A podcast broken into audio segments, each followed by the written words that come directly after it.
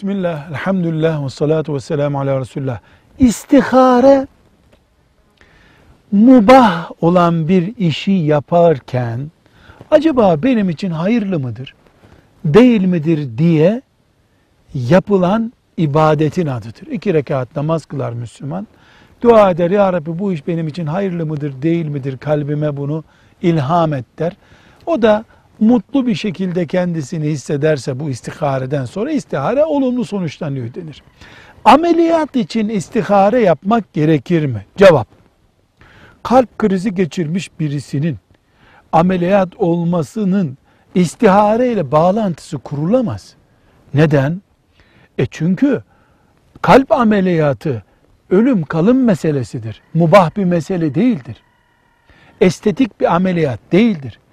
Keyf, keyfi bir tedavi için, belki de caiz bile olmayacak bir tedavi için istihare yapmak başka şey.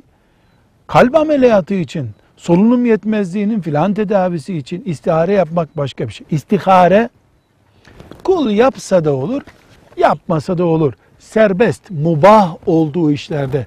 Buraya dükkan açayım mı, açmayayım mı? Mubah bir konu. Bu erkek beni ev, e, eş yapmak istiyor. Evleneyim mi, evlenmeyeyim mi? Bu kızcağızla evleneyim mi, evlenmeyeyim mi? Bunlarda istihare yapılır. Ameliyat hayati bir konudur. Ameliyatın istiharesi değil, istişaresi olur. Nedir istişare? Doktora sorulur, ikinci bir doktora sorulur, üçüncü bir doktora sorulur.